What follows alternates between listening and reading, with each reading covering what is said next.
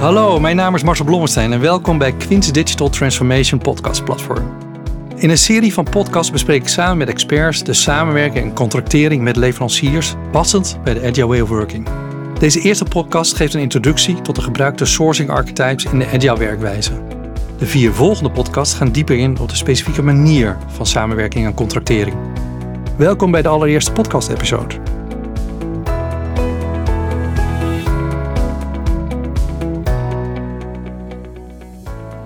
Goedemorgen allemaal. Welkom bij deze webinarserie over sourcing, de Agile Way of Working. Een webinarserie waarin wij ingaan op de samenwerking met de leverancier en de wijze waarop je dat kan contracteren en dat specifiek dan binnen de Agile Way of Working. Mijn naam is Marcel Blommestein. Ik ben partner bij Quint en onderdeel van de Sourcing Practice. En ik doe deze webinarserie met twee andere mensen vanuit Quint. Partana Ramdas en Hans Moorburg. Partana, misschien even kort voorstellen. Dankjewel Marcel. Uh, mijn naam is Partana Ramdas en ik ben ook sourcing consultant bij Quint. Dankjewel. Ja, dankjewel Marcel dat uh, je aanwezig mag zijn. Hans Moerenburg, ik werk bij Quint, uh, de High Performance Transformation Practice die zich helemaal richt op lean, agile, DevOps transformaties in organisaties. En van daaruit hebben we ook veel te maken met sourcing, incorporatie in transformaties. Mooi. Volgens mij hebben we alles aan tafel hier om een goede discussie over dit onderwerp te hebben. Dat brengt mij toch nog even terug aan deze webinarserie. Uh, wat ik al zei, we hebben een webinarserie van vijf. Deze eerste webinar is eigenlijk primair introductie. Dus wij introduceren hier de verschillende contractvormen zoals die tegenkomen in de markt. En we introduceren ook een aantal termen die we ook gaan gebruiken bij de andere webinars. Dus uh, dat is deze introductie. Daarna gaan we eigenlijk in drie deep dives in op de verschillende type contractering en samenwerking. En we zullen in deze introductie uh, nader aangeven welke dat betreffen en wat precies de kenmerken daarvan zijn. En tenslotte zullen we dat samenvatten in de laatste, en dat gaat dan ook meer over de implementatie van de verschillende archetypes. En daarmee hopen we eigenlijk u een volledig beeld hebben gegeven over nou ja, hoe je om kan gaan met de samenwerking en ook de contractering ten aanzien van Agile Way of Working. Nou, dat het een hot topic is, blijkt wel. Uh, want ik geloof dat we meer uh, dan 120 uh, man hier in de webinar zitten. Dus ik denk dat we wat dat betreft een actueel onderwerp hebben met elkaar en wat we mooi kunnen bespreken. Dat brengt mij op het volgende onderwerp eigenlijk. Eerst misschien is het even goed om stil te staan van ja, waarom wordt er eigenlijk uitbesteed? En ik weet dat vanuit Quint daar we daar regelmatig onderzoek naar doen. Uh, dat hebben we ook recent weer gedaan. Volgens mij in maart zijn er recent onderzoeken ook weer geweest. En misschien Partana, kan jij wat uh, toelichting geven over waarom klanten op dit moment eigenlijk ja, overwegen om te gaan uitbesteden? Elk jaar voeren wij een onderzoek uit over de redenen voor bedrijven om te gaan sourcen. En dit doen we samen met White Lane Research. En vorig jaar hebben we dat ook gedaan. Zijn er meer dan 400 participanten geïnterviewd over de redenen waarvoor zij outsourcen, wat de keuzes zijn die zij maken enzovoort. En dit jaar hebben we dat dus ook gedaan. Wat eruit is gekomen dit jaar is dat er drie belangrijkste redenen zijn om te gaan sourcen. Dat is schaalbaarheid, focus op core business en vermindering van kosten. Dit is bijzonder, want uh, vorig jaar stond namelijk kostenreductie bovenop. Ja, dat weet ik nog.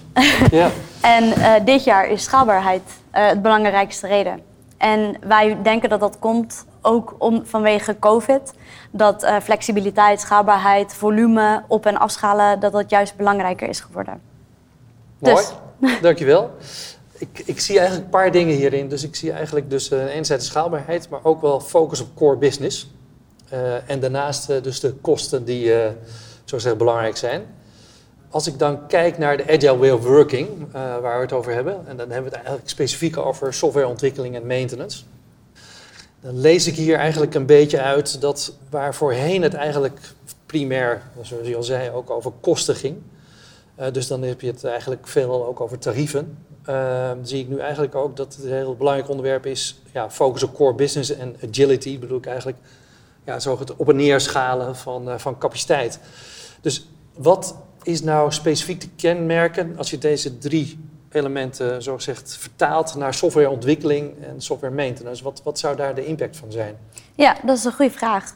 Ehm, nou, als je kijkt naar schaalbaarheid, dan willen bedrijven eigenlijk vooral dat hun uh, dienstverlening niet meer afhankelijk is van de resourcing die je hebt. Dus je wil met gebruik van je resources wil je, je volume en ook de verschillende behoeftes die je hebt op en af kunnen schalen. Dus dat is het eerste. Het tweede wat je hebt is dat je je leverancier meer wil gaan vertrouwen als het gaat over het IT. Dus je wil je leverancier inzetten ehm, voor het IT-levering en jij wil zelf kunnen focussen op wat jouw core business is. En het derde is dat je met gebruik van je leverancier ook je kosten kan optimaliseren. Dit gaat niet alleen over het allerlaagste kost hebben, maar juist het optimale prijs voor jouw dienstverlening hebben. Oké. Dus eigenlijk, wat ik goed begrijp, tenminste als ik het uh, begrijp van jou, is dan... Uh, we kijken niet alleen maar naar kosten, maar we gaan ook kijken echt naar de delivery van de leverancier. Ja. Zodat eigenlijk door middel van uh, ja, dat de leverancier ook meer verantwoordelijkheid neemt voor softwareontwikkeling en voor, ja, zogezegd, software maintenance in deze. En dat, dat is wel interessant in deze, want dat leidt ons misschien ook een beetje naar, de, ja, naar op welke manier je dan kan samenwerken. Want uiteindelijk denk ik dat we op het ogenblik ja, veel van dit soort uh, activiteiten doen op basis van tarief en op basis van time material. Maar ja, er zijn dus ook andere samenwerkingsvormen. Tenminste, die komen wij ook in de markt tegen. Dus, en uh, misschien is het in ieder geval goed om even stil te staan welke samenwerkingsvormen we allemaal tegenkomen in de markt.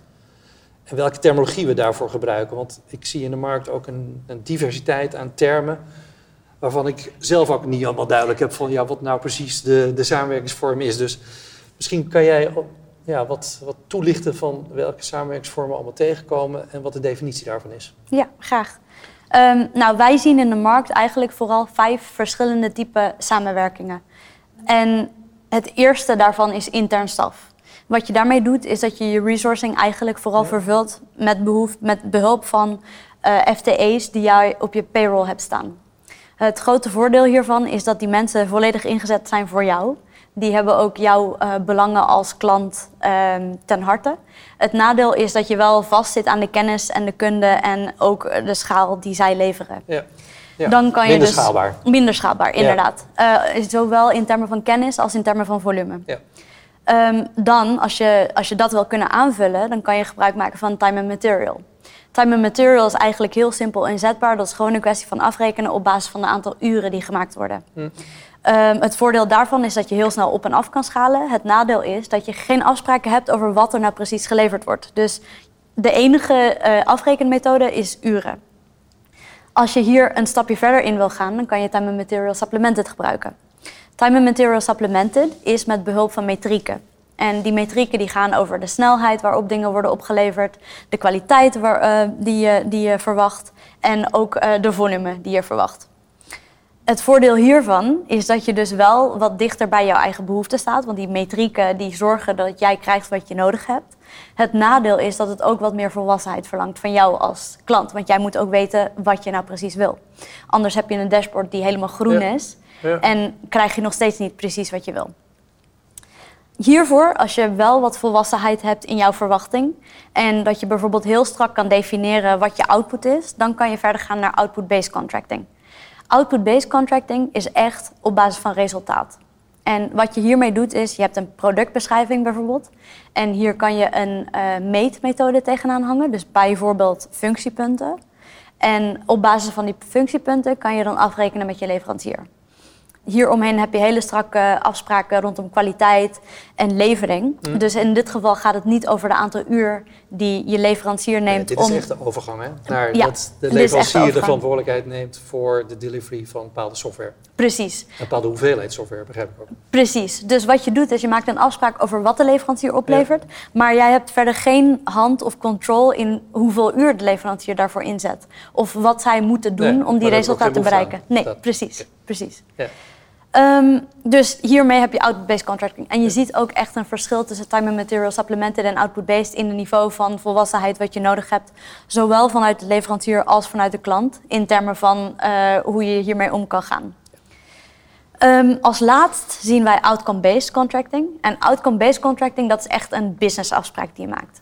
Dus wat je doet is met je leverancier maak je afspraken rondom business KPI's. En je hangt de leveranciersoplevering aan bepaalde uh, business outcomes van de klant. Ja. dit hoort alleen thuis in een groeimodel. Dus de klant moet ook verwachten dat zij gaan groeien in de komende periode en dat de leverancier daaraan gaat bijdragen. Want anders werkt dit model niet. Want Ja. dan heb je geen incentive om Ja. dit goed te kunnen vervullen. Ja, ja. Maar dat zijn in principe de vijf modellen die wij in de markt zien. En dit zijn ook eigenlijk de modellen die wij terug gaan zien eh, in onze verschillende delen van onze webinarserie. Eh en we zullen ook deze terminologie ook eh, aanhouden, hè, dus dat, dat is wel van belang. Ehm, ik, ik had nog een paar vragen hierover. Is het nou zo dat een bedrijf altijd moet kiezen van, eh, voor een van deze archetypes? Of zien we eigenlijk in een organisatie die verschillende archetypes ook naast elkaar? Eh, zeker zie je de, de verschillende archetypes naast elkaar. Ja. Je kan bijvoorbeeld een, eh, een organisatie hebben die outcome-based contracteert op een strategisch niveau, maar dat de teams bijvoorbeeld time and material supplemented worden eh, ingehuurd. Dus die modellen die kunnen wel naast elkaar leven. En een andere vraag heb ik even, dat is een beetje, ja, ik, kom allemaal time material tegen, maar ik hoor ook veel in de markt fixed price. Eh, en dan ook eh, met name een eh, fixed price per team. Dat zie ik niet als term in deze modellen terugstaan. Wat, wat, wat, hoe moet ik dat zien dan ten opzichte van deze typologieën eigenlijk? Ja, time and material fixed price zie je inderdaad, hoor je inderdaad heel vaak in de Ja. markt.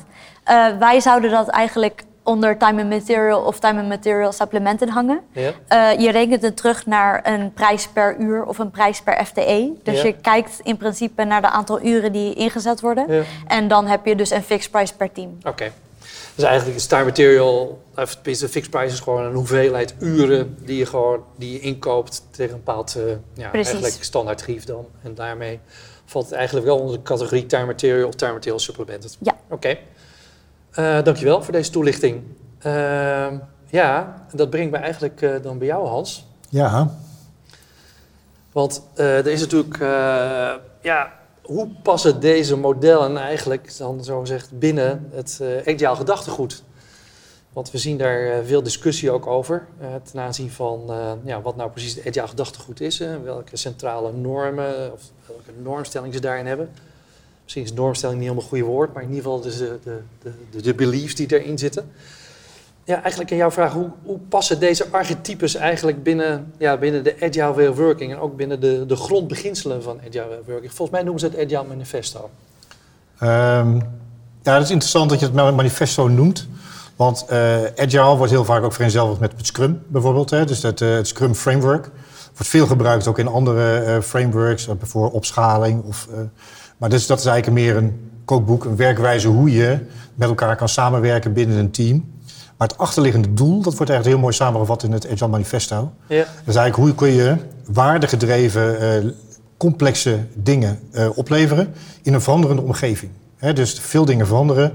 Toch willen wij werkende software de waarde leveren. En hoe kun je dat het beste voor elkaar krijgen? En nou, daar is in het Agile Manifesto eigenlijk gewoon vier criteria eigenlijk benoemd... waarvan alle, alle smaak en agile eh, frameworks erop terug zijn gekomen. Oké. Hier zijn we het allemaal over eens. ja, En de eerste is dat je, de, die hebben we hier ook op de assen gezet. Hè, dus de individu in interactie is belangrijker dan processen en allerlei tooling. mhm, Dat komt ook als een reactie uit dat het voorheen was het heel erg procesmatig gedreven. Eh dan klanten en leveranciers komen elkaar niet echt tegen. Maar dan eh, wat je geleerd hebt is als je met elkaar aan tafel komt... je weet niet precies waar het over gaat, hoe Ja. je het moet maken... in de directe interactie leer je gewoon het snelste over wat er eigenlijk bedoeld wordt... en dat de andere partij kan leren over hoe kunnen we dat maken. Dus die Ja. directe interactie is heel belangrijk. Tweede is van, hoe weet je nou of je het goede hebt gemaakt? Nou, de Agile zegt, het tweede criterium is van werkende software. Dus we kunnen alle ontwerpen overleggen en zeggen, is dit wat je wil? Nou, dan zegt de opdrachtgever waarschijnlijk, nou, misschien wel. Maar uiteindelijk is het het werkende product, aantoonbaar het werkende product, niet alleen nu, maar ook in de toekomst. Dus het werkende product is, is ook, daar zit heel veel kwaliteitsbeliefs onder. ja, Nou, dat is wat je eigenlijk centraal wil zetten. En het derde is van, eh, wat is nou belangrijk? Dat wij samenwerken of dat wij onderhandelen over het contract? Nou, zonder contracten kom je er niet. Hè. Dat is, nou ja, zeker in, in de hele sourcingswereld. Dat gaat heel sterk ook over de contractering van de Ja. juiste partij met de juiste triggers. Dus eens. Maar vanuit agile denken zit je ook wel heel erg over die samenwerking. Die moet wel voorop blijven staan. En dat derde is van, als er dingen veranderen onderweg, en er veranderen steeds meer dingen, je gaf het net al even aan, van ja, de, de, de schaalbaarheid, maar je moet op een gegeven moment ook die business focus kunnen, eh, kunnen eh, eh, handhaven. En daar wil je eigenlijk je leveranciers in meenemen. Dan zie je dat klassieke sourcingsvormen, daar is heel lastig mee omgaan. Want die zetten eigenlijk de scope vast voor een langere periode. En dan op een gegeven Ja. moment kom je dan na een jaar erachter dat het niet het goede was. Nou, daarvoor zijn deze archetypes eigenlijk heel interessant om daar langs te kijken over in hoeverre helpen deze die wendbaarheid en die focus op kwaliteit en op levering en tijdigheid Zeker. te versterken. Zeker, zeker. Zeker omdat we natuurlijk ook veel in de markt horen dat er wel eens conflicteren misschien wel. Dus ik ben erg benieuwd eh, wat, jouw, eh, wat jouw idee hierover is. Ja, dus het is spannend. Hè. We gaan het er straks ook over hebben. Eerst van enerzijds van eh, hoe, hoe verhouden ze zich tot deze vier Ja. aspecten van het manifesto. Ja, Maar ook hoe kun je dat op een gegeven moment passen in het Scrum Framework. Dat laten we snel mee. starten. Laten we snel starten. starten. Goed. time material. Nou ja, time material is dan eh, dus nadat je je, je internal staffing hebt, Ja. hè, wat, wat, want dat kun je volledig sturen vanuit klant, Ja. dan, dan vallen die, die overeens, de doelovereenstemming, hè, dat is dan eigenlijk eh, heel erg congruent, is met time material is heel erg flexibel. Hè? Als ik eh, weet, nou we hebben zoveel mensen nodig, dat kosten ze per uur, kunnen we eigenlijk starten.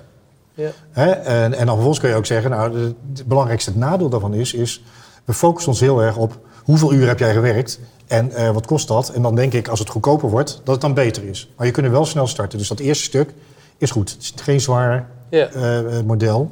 Maar waar Agile heel erg sterk op steunt, is die focus op kwaliteit. Die je eigenlijk gewoon heel erg centraal wil zetten. En Time helpt daar niet per se bij. Dit helpt niet echt bij ownership van een leverancier, vind ik. Nee, je moet daar gewoon zitten. En ja, je moet natuurlijk tevreden zijn, want je wil volgende week Ja. en volgende maand daar Ja. ook nog zitten. Ja, Maar het zit niet, oké. doelovereenstemming zit daar niet in geborgd. Misschien eh time material supplemented. Nou, heel goed.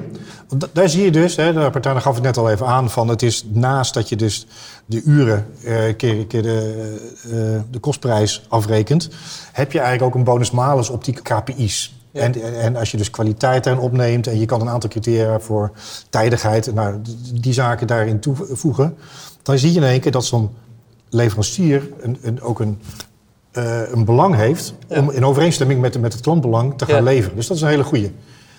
Dus, dus die, die, die KPI's, als je die goed zet, want dat is, gaan we straks nog uitgebreider over spreken, kom Ja. je dan eigenlijk al dat je meer die focus Ja. krijgt op wij zijn samen vriendjes, want we gaan samen het goede ding leveren. Ja. En daar willen we naartoe. Ja, je zei straks uitgebreider, maar dat gaan we doen in de deep dive. Zo, maar dat komt eh, dan de volgende keer. Dan vergeet iedereen in ieder geval bij deze aanleiding ook eh, bij de volgende deep dive aanwezig te zijn.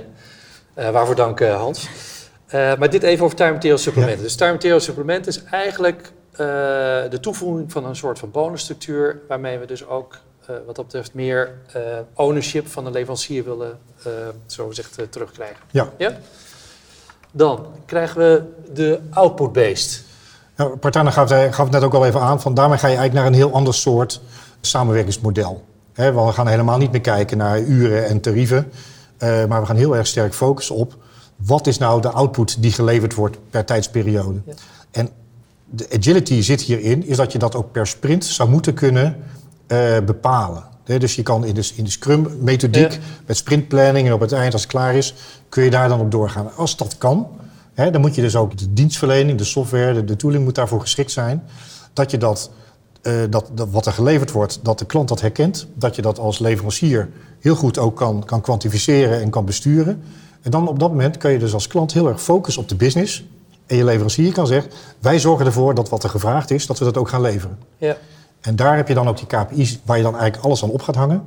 ja. Dan gaat het niet alleen over, heb je er genoeg geleverd, maar is het ook van de goede kwaliteit? Was de tijdigheid goed? Is de klanttevredenheid daarmee optimaal? En als je die dingen kan raken, dan kun je in één keer als klant heel erg de focus op de bemensing van die teams loslaten. Maar je, je business bedienen, want daar wil je naartoe. Zeker. Ja. Ja. Maar nou, hoor ik nog wel eens dat het zogezegd, eh ja, wat dat betreft, het contract dan misschien eh, ja, boven de customer collaboration over contract negotiation. Hoe kijk jij daar tegenaan? Nou ja, je raakt daar wel een punt, hè. Eh, want het, het is, dat time material is heel erg makkelijk te implementeren. Mensen aan tafel en we kunnen starten. Om dit goed te kunnen doen, moeten we die KPI's benoemd hebben. We Ja. moeten daar op een gegeven moment naar gaan werken. De condities moeten zijn dat zo'n team ook ownership kan nemen op de code, op het product om dat te ontwikkelen. Eh, we moeten de samenwerking moeten we in gaan regelen, dus die leercurve. Ja, daar moet je wel de tijd voor hebben. Dus voor een langdurige samenwerking, maar je wil wel sprintsgewijs kunnen opleveren. Dan kan het heel goed. Maar als het gaat over diensten die zeg maar onder in de kelder van, van, van het IT-gebouw staan... en het wordt niet door de klant herkend, is het een stuk complexer. Dus er zitten wel beperkingen aan. En ook bij hele innovatieve teams, dus waar ze echt eh, nog aan het, eh, ja, aan het onderzoeken zijn, is dan dit een goede vorm? Nou, dat is natuurlijk lastig, want je moet wel als leverancier weten...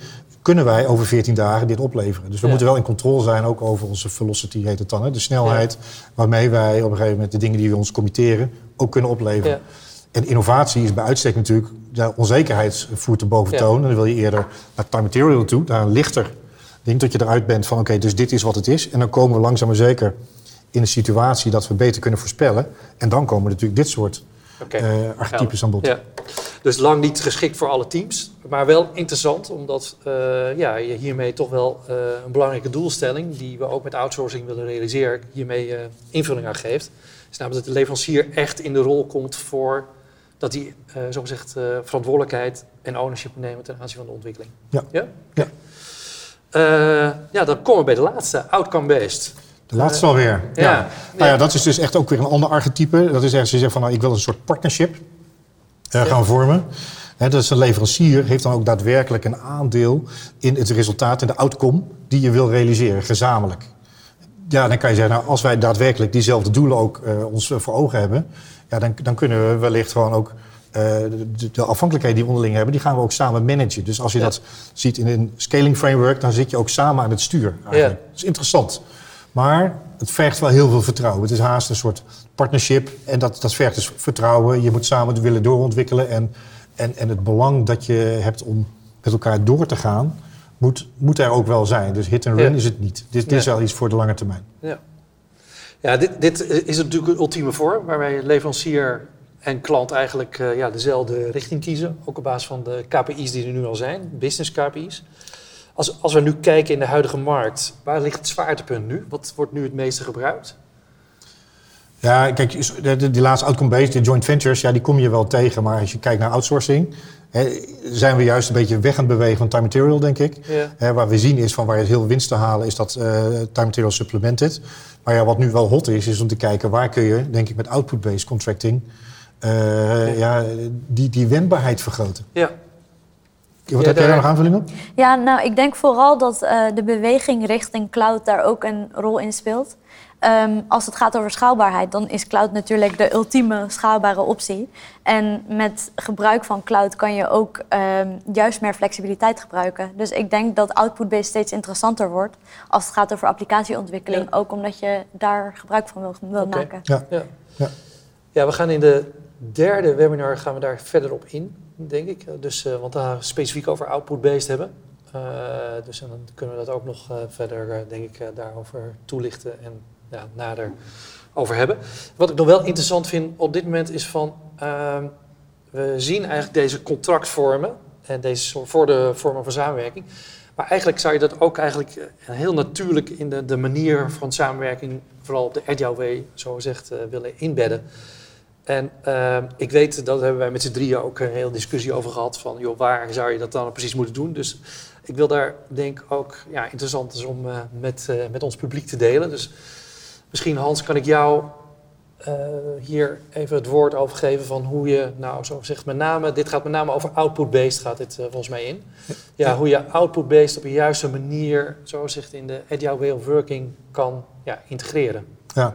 De Ja. kenners herkennen hier natuurlijk het, het Scrum Framework, hè, wat erachter Ja. zit. Van, Ja. We hebben een eh, product backlog vanuit een productvisie, waarbij je als product owner met je business interacteert en dan zegt van oké, wat heeft waarde? Zet je op de backlog en dan met het team zeg je van oké, waar committen we ons aan in deze sprint? Hoe maken we dat en hoe levert dat uiteindelijk een product op? Dus dat is in, in een notendop het Scrum Framework. Ja. En eh, als je kijkt naar output-based contracting, hè, en eh, je noemde net al het woord functiepunten bijvoorbeeld. Hè, dat is een, een maat om een kilo product, hè, software, eh, te kunnen, kunnen wegen. Hè, werd dat eh, historisch gezien heel erg ook, ook in verband gebracht met hele grote projecten. En dan één keer per jaar en dan ging je zo'n team naar binnen en die ging Ja. functiepunten tellen. Ja. En daar waren we het niet over eens. En Nee. Zwaar, ingewikkeld, Ja. gaat weg van samenwerken, zware contractering, gedoe met juristen. Dus alles wat je niet wil met functiepunten. Maar dat is niet nodig. Wij hebben gezocht naar mogelijkheden om dat in te passen in dat Scrum Framework. Ja. En als je daarnaar kijkt, en dan kan je zeggen van eigenlijk is dus wat dat betreft, waar ben je als product owner heel erg bij gebaat, een bepaalde voorspelbaarheid. En wat zien we vaak, is dat Scrum wordt gezegd, ja we hoeven niet meer te plannen. Hè? Dus de voorspelbaarheid is juist weg. Wat ons betreft heeft dat niets te maken met Nee. Scrum. Hè? Dat is meer gewoon eigenlijk advocratie, we Ja. zullen maar zeggen. Ja. En, eh, maar je wil wel die voorspelbaarheid hebben, die flow En je wil hebben dat die contractering dat niet in de weg staat. Dus geef Scrum in dit framework de ruimte. En zoek de punten op in dit framework eh, waar je daaraan kan koppelen. En als een product backlog, ja, dan is het al handig als je als product owner op hoofdlijnen kan zien hoe groot de dingen zijn, de brokken werk die we willen opleveren. Want dan kan je op basis daarvan ook bekijken van hoe belangrijk is het, hoe groot is het, wat zetten we bovenaan. Het geeft eigenlijk daarmee, met functiepunten kan je een indicatie geven van de omvang van een, iets wat gemaakt moet worden. Het is een Dus dat- objectivering dat van de output. Auto- objectivering van de output. Ja. Ja. En vervolgens kun je zeggen, nou, we kunnen dat op hoofdlijnen kunnen we dat uittellen. En dat kan relatief simpel, zeker als je het gewoon per item op een backlog bekijkt. Op het moment dat je naar de sprintplanning gaat, dan heeft het team de refinement gedaan. Die weet beter hoe, wat erin zit. Die weet beter wat voor, wat voor eh, interacties met de gebruiker er zitten. Hoeveel tabellen erbij worden Ja. geraakt. Nou, allerlei dingen die functiepunten opleveren. En die kunnen dan dus een, een veel betere inschatting daarvan geven. Als je die ziet en vervolgens ga je het maken, dan kun je op het bij de oplevering, hè, dus in de, in, de, in de sprint review, kun je gewoon gaan tellen hoeveel hebben we er deze keer opgeleverd. Nul, nou dan krijg je niks. Als je de volgende keer wel alles oplevert, krijg je alles uitbetaald of eh, dingen. Maar wat heel belangrijk is, de definition of done, dus Ja. de kwaliteit moet geborgd zijn. Dus Ja. output-based is eh, de definition of done is, is de, de, de team wordt heel erg verantwoordelijk gehouden voor de kwaliteit. Als het daar niet aan voldoet, tel je de punten niet. En kun je vervolgens in de retrospecten heel goed nadenken over hoe komen we de volgende keer eh, er beter uit de verf.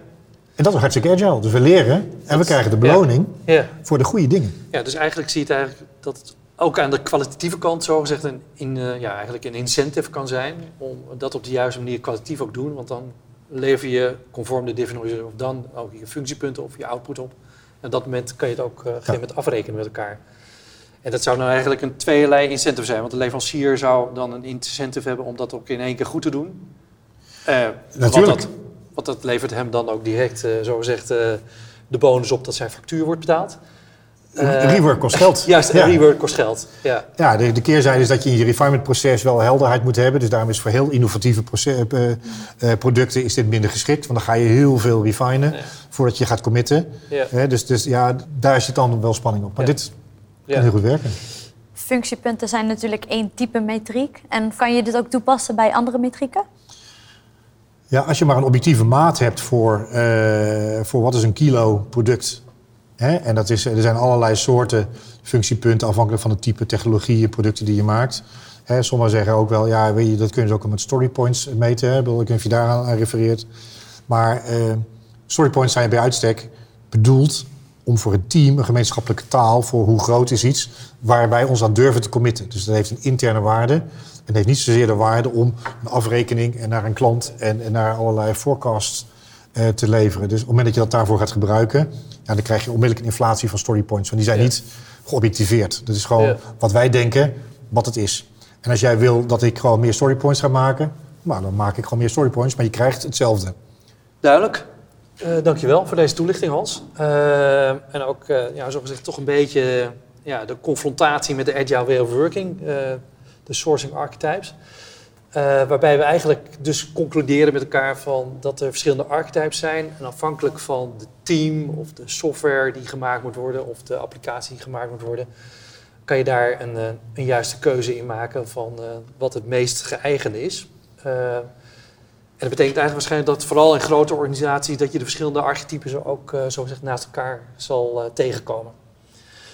Ik denk dat we hiermee uh, een heel duidelijk overzicht hebben gegeven ten aanzien van de ja, verschillende sourcing archetypes zijn en hoe je dat eventueel kan implementeren binnen Agile. Ja, we gaan de volgende keren, gaan wij in de deep dives, gaan wij verder in op de verschillende sourcing archetypes. We hebben ze er ook, echt de drie delingen ook gemaakt. Time Material Supplemented en Time Material Deep Dive 2. Deep Dive 3 gaat in op de, uh, de output en uh, de vierde op de outcome. En dan gaan we echt per deep dive nog een stapje dieper in van uh, wat zou nou eventueel de KPI's kunnen zijn die je daarbij hanteert. Wat voor balans moet je daar ook in vinden. Wat zijn nou de karakteristieken ten aanzien, specifieke karakteristieken ten aanzien van deze archetype? Wanneer kan het succesvol zijn? En ook uh, wat zijn nou uh, wat is een reguliere implementatiemethode, tenminste zoals wij die uh, ja, kunnen, kunnen voorstellen. Dat brengt mij op dit moment eigenlijk, ja, denk ik dat we voor de introductie jullie een inzage hebben gegeven van de verschillende soorten. Hebben we u geïnspireerd? Abonneer dan op de podcast en luister dan ook naar de opvolgende podcast, waarin we dieper ingaan op de Time Material Supplemented, output- en outcome-based wijze van samenwerking en contractering in de Agile Way of Working. Of kijk op onze website www.quintgroup.com. Daar vindt u meer over onze dienstverlening, webinars, whitepapers en carrière mogelijkheden binnen Quint. Graag tot de volgende podcast-episode.